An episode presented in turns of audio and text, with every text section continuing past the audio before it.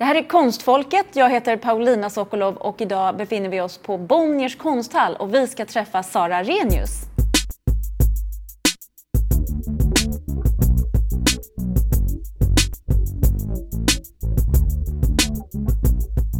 Vad trevligt att få göra någonting annorlunda någon gång. Vi brukar ju alltid annars träffas på KB, på restaurang KB. Det gillar vi också. Men eh, idag träffar vi Sara Renius. Hej Sara, välkommen! Hej Paulina!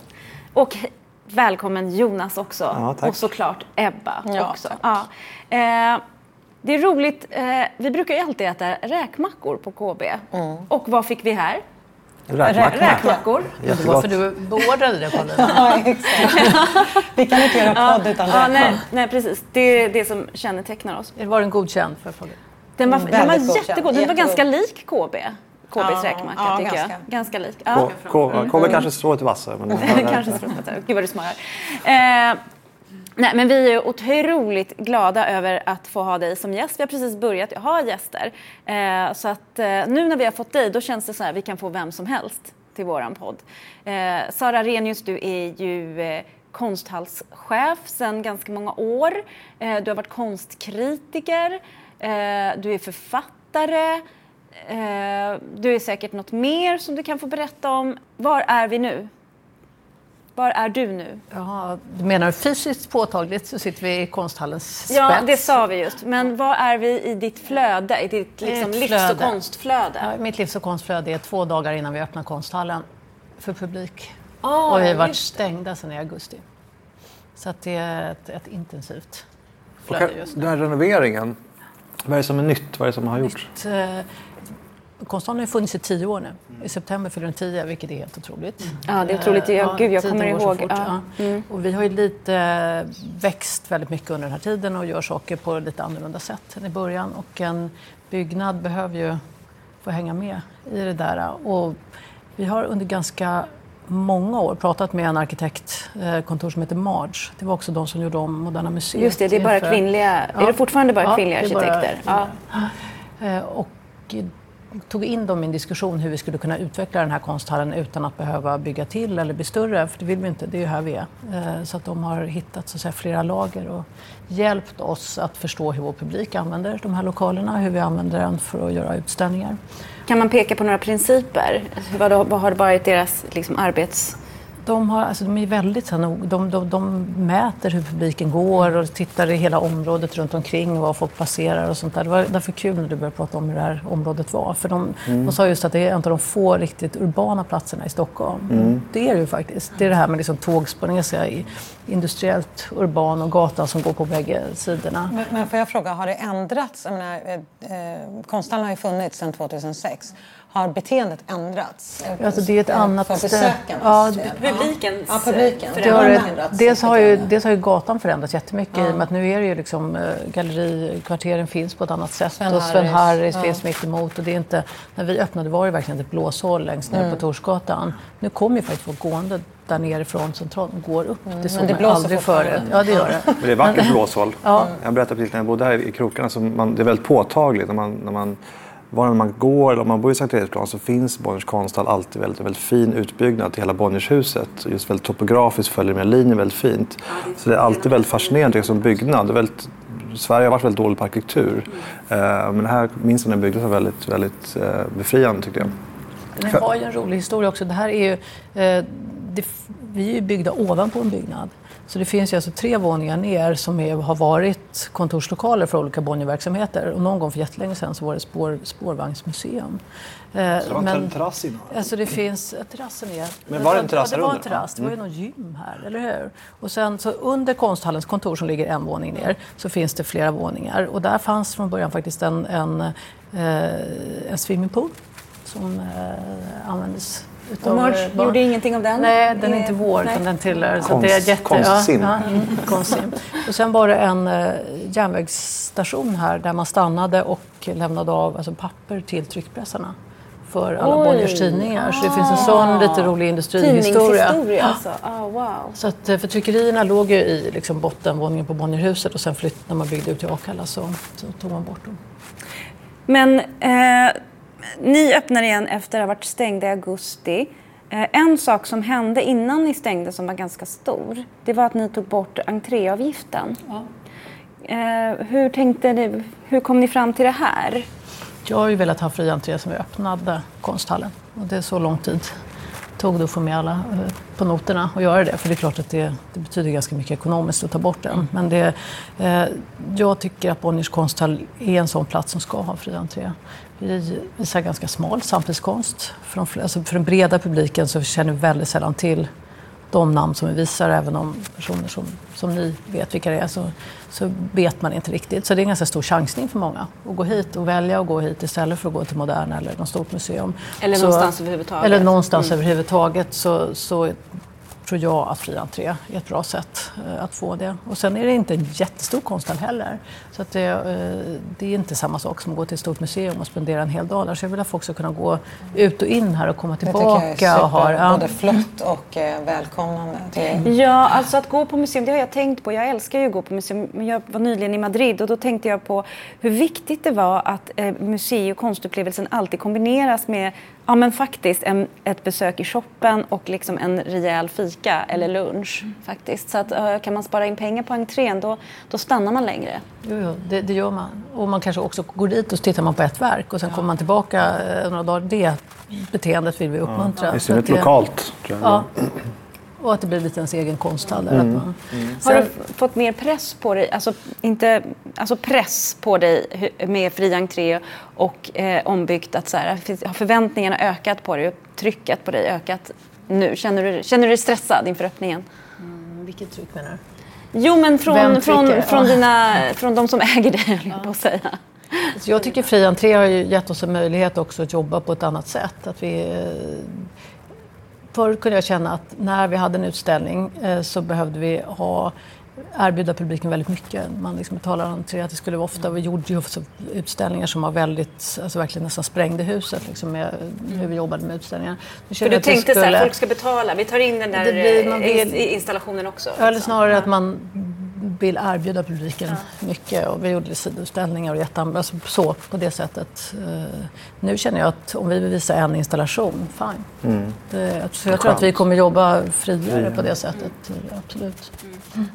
Jag tror att det kommer eh, ändra beteendet på inte bara era besökare utan överhuvudtaget hur man går och ser konst. För jag brukar alltid uppmärksamma eller uppmuntra människor att gå in på Moderna Museet, se tre målningar och tillbaka. För är du inte van att se konst eller bilder överhuvudtaget så kommer du bara bli trött och vilja gå hem och lägga dig. Så gör det. Och det har varit väldigt svårt att säga när det är ett inträde som liksom kostar faktiskt väldigt mycket. I synnerhet om man är en hel familj. Så jag hoppas att det blir precis så som du säger, att man går in, ser på en sak och går ut. Det är just det jag menar, ja. att man kan ha en, hitta en annan relation till ett mm. konstverk. Man, eller, jag tror att man, de kommer se och reagera mer. Sen tror jag, vi gör ju ofta utställningar som, eh, där besökaren eh, behöver komma tillbaka. Vi kan visa många verk som tar lång tid att mm. se. Det kan vara ganska komplexa konstverk mm. och då om man kan komma tillbaka så är det fantastiskt. Eh, och få möjlighet ja, att göra det. På stora utställningar ja. så är jag så otålig så jag orkar inte se tre filmer och fortsätta. Jag orkar inte se allt. Och, det är och så är det nog med många faktiskt. Ja. Om, man tror, om man är ovan då tror man så här, jag orkar inte. Nej, även om du är en rutinerad konstbesökare Nej. så är det verkligen en liksom, välsignelse att kunna mm. komma tillbaka och, och fördjupa sin upplevelse med nya kunskaper. Men alltså du har ju varit konsthallschef här i tio år och så länge som Bonniers konsthall har funnits. Man måste verkligen säga att Bonniers konsthall numera har en historia. Absolut. Mm. det är ganska, det, om du säger frågar om läget just nu, det är sån här, som när vi har haft stängt nu så har vi pratat mycket om det, liksom vad som är vår historia och försökt eh, se det. Och det är en ganska ny situation, att inte vara så uppstickaren utan helt plötsligt ska vara någon, vi, vi har en historia och har gjort någonting bakåt och förstå det och vad går man från det. Vad är er historia enligt dig? Eh, en, någonting som vi har gjort och gjort sedan starten och som för mig är jätteviktigt är att vi jobbar allt, det är konstnärernas metoder som står i centrum och vi, vi ska anpassa oss efter det. Och det gör det ganska jobbigt för oss. Därför vi, vi, vi, säger sällan nej till en konstnär som kommer hit och har något projekt som är helt omöjligt. Att man vill bygga om konsthallen eller vill att vi ska vara öppen mitt i natten eller att värdarna inte får säga någonting. Alltså det, stå i mörkret. Stå i mörkret. Alltså det finns alltid, det, vi gör ju väldigt svåra projekt på det sättet. Mm. Och där, där tror jag att vi är speciella och unika, att vi inte säger nej och att vi eh, tänker att nu lär vi oss någonting nytt, vi gör någonting annorlunda. Så det... det är otroligt modernt. Jag blev väldigt glad när du säger det. För att jag, det var något nyhetsinslag igår med Steven Spielberg med hans nya film. Och då tänkte jag så här, vi som också bygger om lokaler och man, liksom, man ska övertyga människor om att vi gör någonting som är lite svårt för att göra det bättre och för att göra det mer äkta. Jag tänkte så här, tänk, om, tänk om vara som Steven Spielberg. Vad säger han nej till?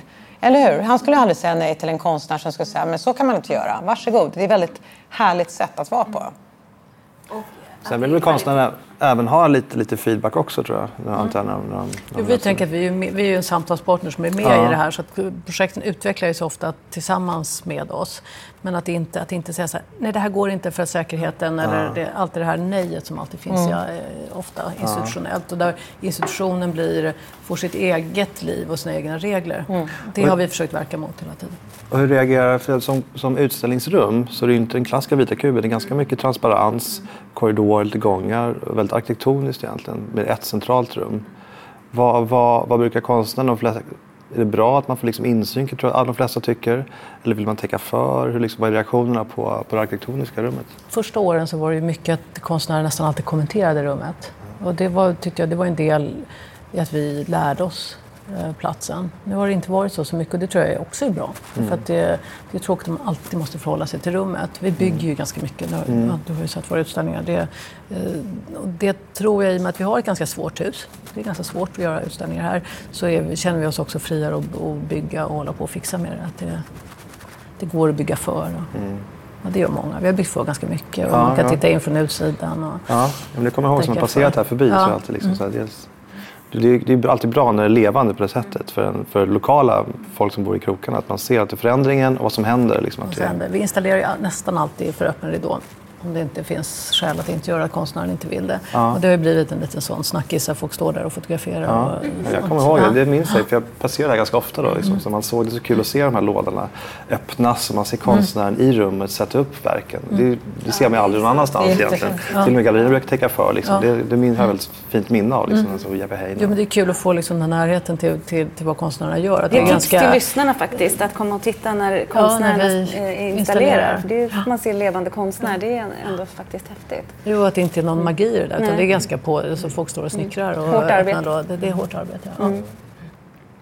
Tycker du att eh, konstlivet i Stockholm har förändrats under de här tio åren? Om du utgår från Bonniers konsthall. Har liksom Bonniers konsthalls ställning förändrats eh, i förhållande till andra, till exempel Moderna Museet eller som du sa, eh, Sven Harrys? Vad, och det som har hänt är att det har blivit flera institutioner. Mm. Det, och det kommer samtidigt. Liksom lite där, att det, det finns jättemånga. Det finns väl ingen stad som har så många konsthallar i den här storleken. Skulle jag säga helt unikt i världen. Det, det var någon som räknade, var det 16 konsthallar tror jag i Stockholm. Det är jättemycket. Det är ju, jätte, det är ju en liten stad. Liksom. Folk blir ju ofta förvånade som kommer hit att det finns en sån mängd institutioner och olika typer, alltså statliga museer och privata mm. konsthallar och konstnärsdrivna platser. Så det, Stockholm har ett bra konstliv på det sättet. Mm. Jag tror att det, är, det var ju mycket prat om att det skulle vara för mycket, det finns för mycket institutioner när vi öppnade. Jag får ja, att, det. att, ja. att jag får att Dennis Dahlqvist gjorde någon grej på eh, kulturen om det. Liksom, äh, det kommer bli jättedåligt. Vi, alla kommer konkurrera med varandra. Och, liksom, och det, det är ju någon mm. sån. Jag ja, men den bästa var ju det här med, förlåt mig, men när Fotografiska gick igång på att det var konkurrensnackdel ja. med fri entré. Mm. Ja, parentes. Men, mm. eh, the more the merrier, mm. verkligen. Mm. Jo, därför att det höjer liksom den allmänna nivån tror jag. Det blir, och sen tror jag också att man vågar vara mer personlig och göra någonting eget. Att inte alla känner sig ha plikt att nu ska vi göra, avverka det där. Utan ja. man vågar vara mer subjektiv. Mm. Det, då, då blir det bra. Hur, hur lång tid eh, planerar man innan utställningen? framförhållning? Två år ungefär. Två år. Ja. Oh, Gud, jag skulle aldrig kunna planera så länge. Nej, det är, det är jättesvårt. Det tycker vi är svårt också. Så därför i realiteten så blir det aldrig riktigt så. Eh, och sen så är vi ganska öppna för om, om, om planering. Men eh, samtidigt så menar vi gör stora produktioner måste vi nästan ligga för det tar ju också mm, tid att göra dem där.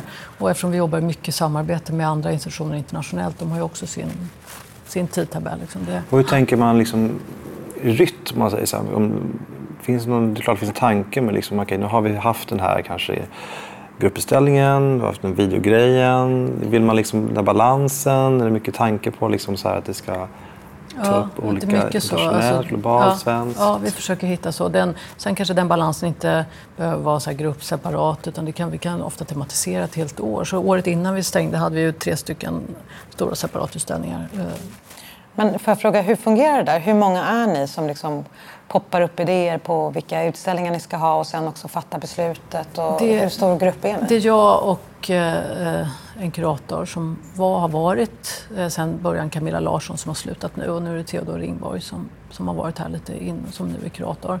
Och sen har vi en utställningsproducent också. Det beror mycket på att vi jobbar så, eh, med så mycket nya produktioner. Eh, Caroline Elg. Och det är vi som gör utställningen. Vi tre. Ja. Lyxigt Ja. ändå. Ja, men väldigt lite team ska jag säga för en konsthall av den här storleken. Ja, alltså det blir ju svårt att förverkliga det. Det blir ju svårt, men att, att ändå inte sitta allt för många och Nej, typ ha handuppräckning om ja. vilken utställning, ja. det väger över. Ja. Kan, Och där är vi nog snabba och har liksom vårt sätt att, hitta, som, att kunna ta beslut också. Det finns ju liksom inga eh, kommittéer eller något som ska ta det. Det är vi som gör programmet. och och eh, styrelsen då, de bara... De har inte bråkat med dig så mycket, utan du har... Eller har du haft diskussioner? Nej, vi har haft jättebra samtal. Ja. Ja. Förutom det där med, med fri entré som tog lite tid. Ja. Mm. Men det kan jag förstå. Så Ja, det är liksom absolut. lite att jag Ja, ja. måste hitta mitt, eh, mina argument. Folk fattar inte det, men det är mycket, mycket radikalt att slopa entré. Mm. Eh, det, är så, åh, det kostar, så här, men det har sån enorm betydelse Mm. för, för människor på djupet och över tid också. Och, och, och eh, känslan av att så, det här är någonting som jag kan ta till mig. Det, eh, jag det tror är mycket, helt mycket vunnet. Det är någon känsla att det är generöst, att man bjuder in, också att man säger så här, kom hit. För Jag tror det är ganska svårt att komma hit. Det är ändå en så privat konsthall och det var nu, nu tycker jag att entrén eh, är mycket mer inbjudande. Men jag tror att det är ganska svårt att ta steget ut, mycket svårare än man tror. Och så ska man gå upp där och så sitter det någon liksom, tjusig person i receptionen. Men så där, ser det, liksom- det Ja. håller ju vi och brottas med på Bukowskis också. Att det kommer in, vi får nästan bjuda in liksom grupper som aldrig har varit på Bukowskis som verkligen säger Ja, men vi trodde inte man kunde gå in här. Och det är ju ett enormt misslyckande. För att allting ska handla om konsumtion. Så här, jag köper och då får jag något i utbyte. Nej, konst ska inte alltid behöva handla om det. Men jag tycker ni har haft ganska rolig, för just reklammässigt, det måste väl ni tänka på också som vi pratar om här, marknadsföring. Hur man når ut till en ny, eller kanske en större målgrupp som vill ha. För ni har jobbat ganska mycket, ganska, tycker jag, väldigt bra reklam som, som, har, som har pushat väldigt mycket. Att liksom man, man får komma, det är vi, det är du. Liksom. Vad, hur har det gått? Hur samarbetar er? Hur tänker det, man kring det? det? som, du, du tänker på de här Inte för alla och sånt, Ja, eller hur? ja. Den här sista besökare. Det är DDB då som sitter i, i huset här som, som har varit vår samarbetspart i det. Och då, jag tycker de har funkat jättebra för de har också brutit lite det här eh, på ett ganska kaxigt sätt. Ja. Det, för vi vill ju vara inkluderande och nå ut. Vi tänker att vi vill öka kunskapen om samtidskonst till en ganska bred publik. Men vi vill för den skulle inte hålla på och anpassa liksom, budskapet i konsten. Och det Exakt. tycker jag har funkat att det är lite Men kaxigt. mer och fått att kom hit, ta med din kompis, vi går Ja. Mm. dit, än att säga det här är vår utställning, kom dit på den. Mer så här, kom hit. Ja. Och det, det tror jag det funkar. Därför då kommer man hit därför man gillar att vara här på den här platsen och då, då tittar man på något som man inte sett förut och tycker att det är spännande. Och Det, och jag tror folk har fattat att man inte behöver förstå allting. Det- Vilken, eh, vilken är den utställning som du har gjort här på Bonniers konsthall som, som har lärt dig mest eller som har kanske förändrat dig mest eller betytt mest eller ehm, som du är mest nöjd med? Vi gjorde en... Jag skulle pratade faktiskt om konsthallen på, eh, i, Bar- i Barcelona förra veckan. Och då satt jag och gick igenom lite gamla bilder. Och mycket, alltså de tidiga utställningarna de, de, får ju liksom, de, de definierar ju mycket platsen, det gör det. Och vi gjorde en utställning med en tysk konstnär, Michel Beutler, som var en, nästan bland de första separatutställningarna. Eh, och han jobbar med skulptur, med maskiner som gör skulpturer som är väldigt eh, vardagliga enkla material och de eh, papper eller trä och man gör eh, skulpturerna så här, i konsthallen. Och han kom till oss och sa att eh, sa så här, jag vill att vi gör om Stora salen till en blandning utav ateljé, lager och utställningsplats. Och sen så kommer vi göra, jag gör de här skulpturerna och vi hänger om utställningen varannan vecka. Och det var den processen, det som han drog in oss i med, med eh, de här väldigt speciella maskinerna. Och vi jobbade med våra värdar som både då gjorde utställningen och, och visade den sen. Och alla åt tillsammans varje dag och sen hängde vi om den. Det satte lite en arbetsmetod som vi har. Så på det viset har den utställningen betytt jättemycket. Ja, vad intressant mm. att man har en utställning som, som blir kvar i mindsetet. I, sätt, ja. lite sättet att arbeta mm. och också att, de, att vi som gjorde utställningen och värdarna, att, de in, att lite de här rollerna som finns i ett museum kastades om lite grann. Nej, utan inte alla så hur alla. Mm. Och, det tycker ni har haft ganska ofta, eller flera gånger att man har sett här att, liksom att eh, man har tagit del av någonting. Oavsett om det var liksom någon performance med Ylva eller den här Rickri-t-shirten. Att personalen öppnade skåp när någon utställning. Att man liksom fick ofta interagera, fick personal interagera med utställningen. Mm. Väldigt ofta känns som en, som en slump. Nu när jag tänker på när du säger det. Så, så jag... är det en linje skulle jag säga. Det det, faktiskt, ja. Ja, som började lite med honom och sen också säkert därför jag är intresserad av den typen av konst. Men Laura Lima är ju sån, tycker jag också, som var nyligen.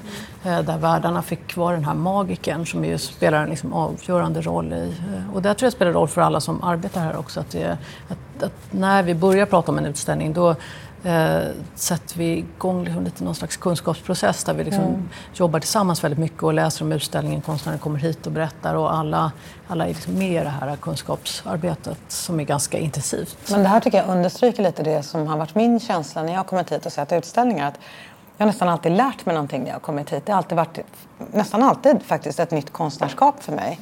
Så man har sett, åh vad är det här, vad spännande, inte haft någon aning, har inte varit på Bonniers och sett och så är det något namn, nej oj, det har, vet jag inte alls Nej, det är, faktiskt sant om man jämför med Moderna till exempel med, som har varit ja, mer bekräftande. Alla andra museer ja. i Stockholm så har det varit liksom, som man har lärt sig av när du berättar det här. Det var liksom eh, Jeff Koons, ja, det var men Bourgeois. När, när, ja. när, äh, när, du berättar det här så känns det som att det har nästan varit, inte att inte har känt till konstnärskapet, mm. men det har varit ett sätt där ni har arbetat med mm. att ni också ja, liksom, lär er ja. mer och, och hittar så. ett konstnärskap som ni verkligen liksom undersöker. Så på det sättet så tycker jag att den här konsthallen och era utställningar är väldigt eh, men pedagogiska på ett sätt utan att vara, att vara skolfröknar. Att det händer någonting. Det är så kul att lära sig mm, nytt. Ja, man vågar jag blir liksom jätteglad när du beskriver det på det sättet. Ja. För att när, som vi jobbar med världarna, där har vi pratat jättemycket om, eh, och det här lärde vi oss också ska jag säga, genom en konstnär. Därför att när vi gjorde en utställning med Thomas Saraceno, som ni mm. säkert har sett, eh, den var ju väldigt, där han jobbade vi gick in tillsammans med honom i en så här tvåårsprocess när vi jobbade tillsammans med forskare och arkitekter för att han ska kunna göra det här spindelnätet. Det var ju Svarta änkans spindelnät som han uppförstorade 16 gånger och alla var så här, det här kommer han aldrig kunna göra.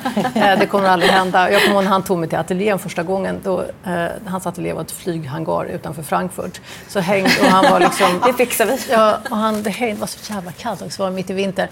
Och sen så hängde det liksom några trådar och han var så här, det här ska bli ett spindelnät.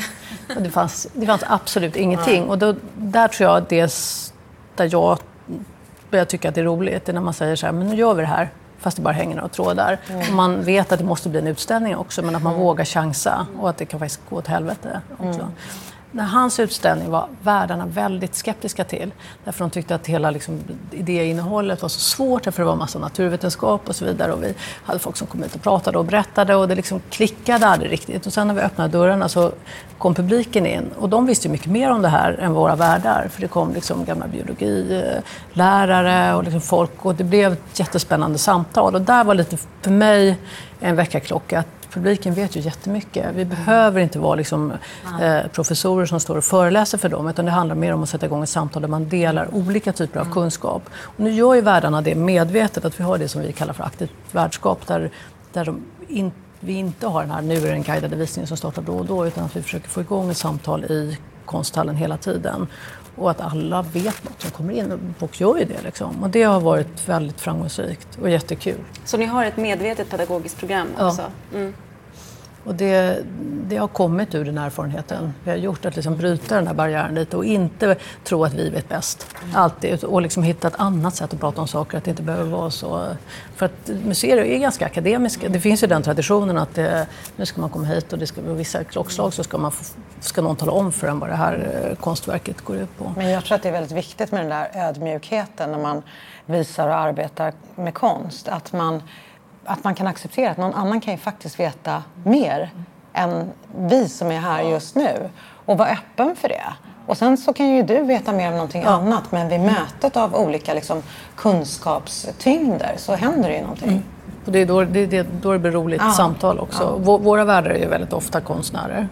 Eh, och har också den. Så de får ju, vi är ganska noga med att vi har väldigt mycket liksom introduktioner. De är med i den här processen innan. Men de får sen berätta sin historia. Det, är inte, det finns liksom inte det här manuset att nu måste du berätta det om det, det, det konstverket. Årtalet och ja, vilket, gör att det, ja, vilket gör att det kan vara väldigt annorlunda eh, när man kommer in här beroende på när man kommer in.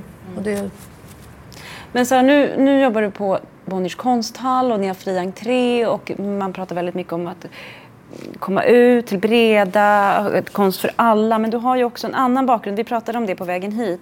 Jag tyckte det var egentligen du som ville ställa den frågan, Ebba. Men, ehm, Nej, men vi pratade Ja. om det, Paulina och jag. Det som jag när jag liksom, man ser din, din karriär, hur du liksom började som skribent och sen de här tidningarna med Index och eh, Nu, nu. ja.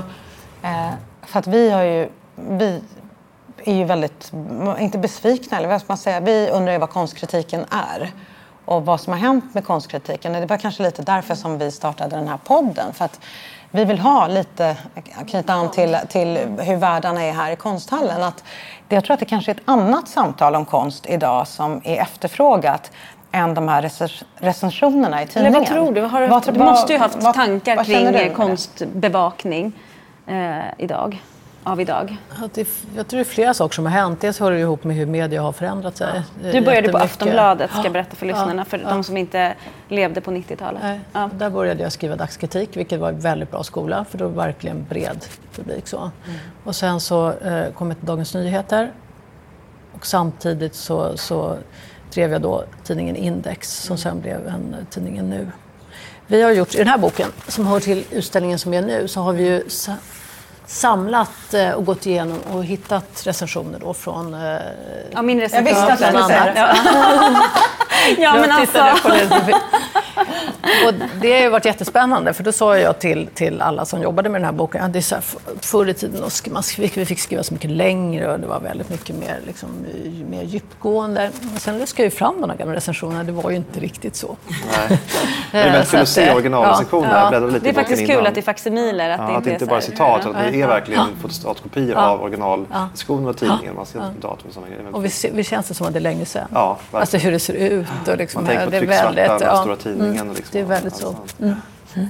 Så att eh, det, visst, det var ju, men det var ju som, konstvärlden var ju mindre och vad som skrevs i tidningar blev ju jätteviktigt på ett sätt som, Men det, som det kanske inte riktigt är idag. Då, Nej, utan det finns man- andra typer av offentligheter och de, är, de sker på institutionerna och de sker i just poddar eller i, på nätet. Så att det, det har förändrat sig, ja. Och så inte... Men när du öppnar en utställning, eller ni öppnar en utställning här, vad väntar ni på då för att känna responsen eller få en temperaturmätare på? Hur upplever folk den här utställningen? Vad, vad tittar ni på då? Och jobbar ni digitalt? Liksom, om man tänker förändringar och sådana grejer. oss två frågor Ja, samtidigt. det klara.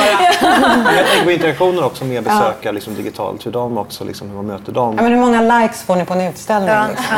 Men Facebook och Instagram är ju jätteviktigt Ja. idag. Eh, och det, det, det, tyck, det är jättekul därför att det finns en annan typ av, av liksom, eh, läsarkontakt eller publikkontakt på det sättet att folk kan uttrycka sig. Jag kan bli lite så här, vi hade faktiskt en jä- jättediskussion innan vi, eh, vi har pratat mycket om kommunikationen när vi har haft stängt liksom, in- inför nyöppningen.